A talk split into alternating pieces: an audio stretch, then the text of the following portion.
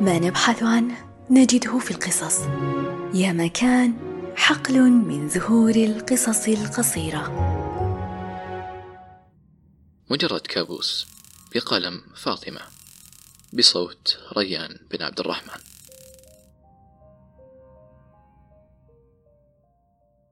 هي امرأة ذات صوت يقطر حنانا وامتنانا. في كل مرة أزور ابنها تحتفي بي احتفاء قد لا يليق بي. لكن احتفاءها ينبع من صداقة الوثيقة بابنها إياب. تذكرتها وأنا أنتظر إياب. مركزا نظري على باب العمارة المتهالكة التي يسكنها.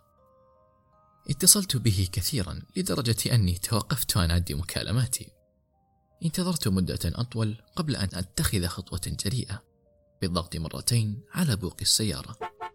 فعلتها بسرعة خاطفة وأنا أتلفت يمنة ويسرى. لا تسيء الظن بي. فآخر مرة أقدمت على هذا الفعل خرج لي ثلاثة مراهقين حمقى متعجرفين. تهجموا على سيارتي هشموا زجاج إحدى النوافذ وأحدثوا خدوشا على طلاء سيارة الأحمر القاتم. لكن حمدا لله يبدو أن المشاغبين ليسوا في ديارهم الليلة. فنجت سيارتي بأعجوبة أوه وأخيرا صديقي إياب.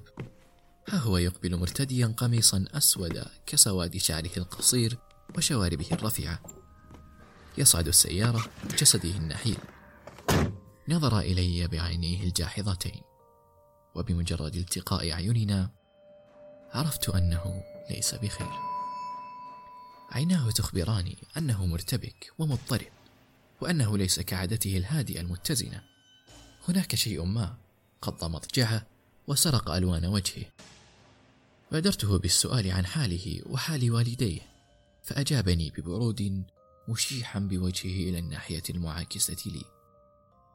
الحمد لله كلنا بخير. حمدت الله على ذلك مع يقيني بوجود خط ما.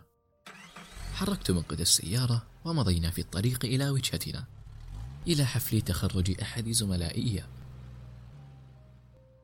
في الحقيقة أنا لا أعرف صاحب الحفل جيدا. فمنذ انتقالي أنا وأبي من العاصمة إلى هذه المدينة الجبلية المعزولة عن العالم وأنا وحيد بعض الشيء. حتى تعرفت على إياب في بداية السنة الدراسية الثالثة في الثانوية.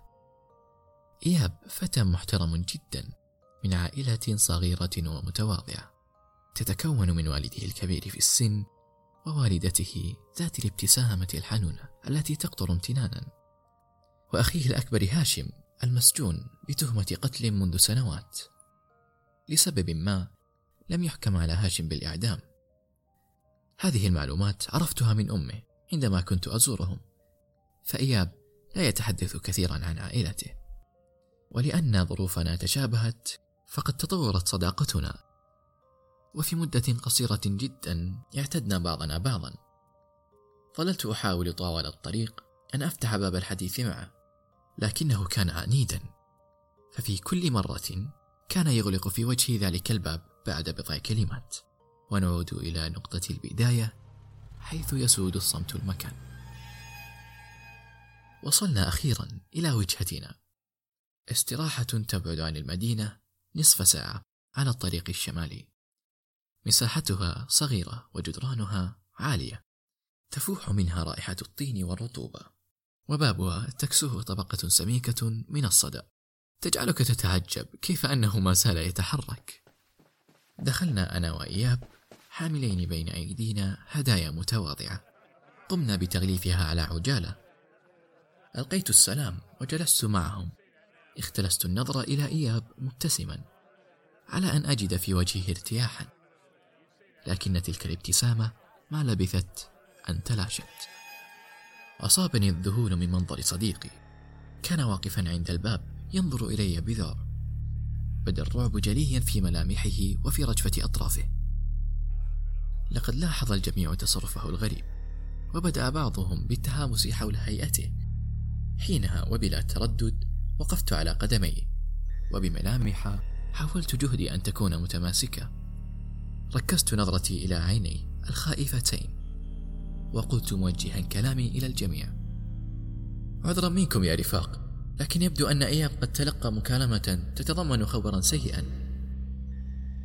حينها لمحت تفهمهم وانصراف أعينهم عنا بمحاولة اختلاق أي حديث. أما أنا فقد سحبت إياب بسرعة إلى غرفة الجلوس المجاورة وطلبت منه أن يهدأ ويخبرني عن سبب حالة الهلع التي أصابته اليوم. والتي لا أجد لها إلى الآن أي تفسير. بعد أن التقط أنفاسه نظر إلى عيني وفاجأني بسؤاله. هل تسامحني إذا متنا الليلة؟ حاولت التماسك من وقع كلماته علي. ماذا يقصد بإذا متنا؟ تلا سؤاله صمت طويل.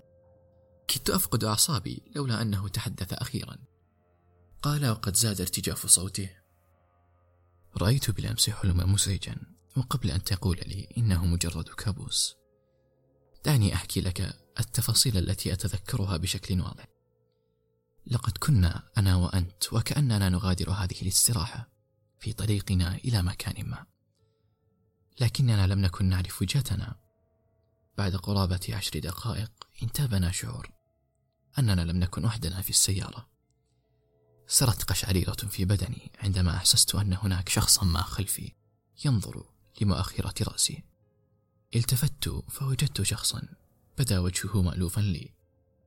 كان رجلا ضخم البنية يبدو في عقده الرابع. يتخلل لحيته السوداء بعض البياض. حنطي البشرة يرتدي قميصا أخضر باليا وتفوح منه رائحة السجائر النتنة. عندما نظرت إليه ابتسم لي ابتسامة صفراء. لم أفهم معناها حتى رأيته يخرج مسدسا صغيرا من جيب بنطاله عندما ألصق فوهة المسدس في منتصف جبهتي شعرت ببرودة الحديد تتسرب إلى كل عظمة في جسدي وتجبرها على الارتعاد. بعد أن تأكد من استسلامي التفت إليك وأمرك بمواصلة القيادة. استمر هذا الرجل ممسكا برقبتي. وموجها فوهة مسدسه اللعين نحو صدغي الأيسر طوال الطريق. تمادى في انفعاله وأصبح تارة يصرخ عليك بأن تستمر في القيادة. وتارة علي أنا بأن أتوقف عن البكاء والتوسل إليه مثل الأطفال. لا أعرف كم بقينا نسير في ذلك الطريق الذي بدا لي وكأنه لن ينتهي. شعرت بأننا بقينا دهرا حتى أمرك أخيرا بالتوقف. وعندما نزلنا من السيارة وجدنا أنفسنا أمام هذه الاستراحة مجددا فقام بإدخالنا في نفس هذه الغرفة التي نتحدث فيها الآن. وصرخ قائلا اركعا على ركبتيكما بسرعة. نفذنا طلبه بسرعة وجثينا على ركبتينا. قلت له بصوت واهن أرهقه البكاء أرجوك نحن لم نفعل لك شيئا لم نؤذي أحدا في حياتنا قط. أكملت أنت باكيا أبي رجل ثري وسيعطيك كل ما تحلم به وما لم تحلم به. صدقني سيفعل أي شيء من أجل سلامة ابنه الوحيد. قاطعك بصوت أجش لم أسمع أغلط منه.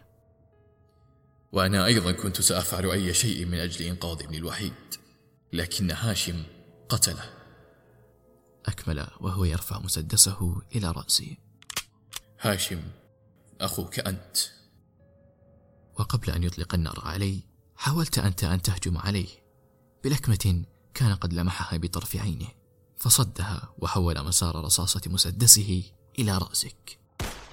بعد أن أطلق النار عليك التفت إلي وقال لقد سمعت صوت هذه الرصاصة يا إياب. يقال أن الطلقة الوحيدة التي لا يستطيع الإنسان سماعها هي التي ستقتله. ما رأيك بذلك؟ قالها بنبرة باردة ودماؤك تملأ المكان. ثم رفع مسدسه مرة أخرى وصوبه هذه المرة على رأسي وقال أما صوت هذه الرصاصة فلا أظنك ستسمعه.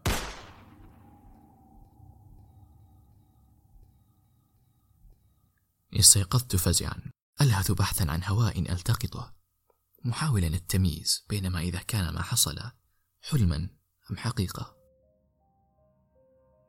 نظرت إلى إياب أتأمل أنفاسه المتقطعة ومتعاطفا مع حالة وجهه الهلعة وقلت محاولا تهدئته نعم يا إياب هذا لم يكن حلما. لقد كان كابوسا مجرد كابوس يا أخي. حينها قطع حديثي صوت باب فتح من خلفي وهبت علينا رائحة سجائر نتنة. ورأيت عيني إياب تحدقان برعب نحو الجسم القابع خلفي. التفت بسرعة ناحية الباب فوجدته رجل في العقد الرابع من عمره يحمل في إحدى يديه سلاحا.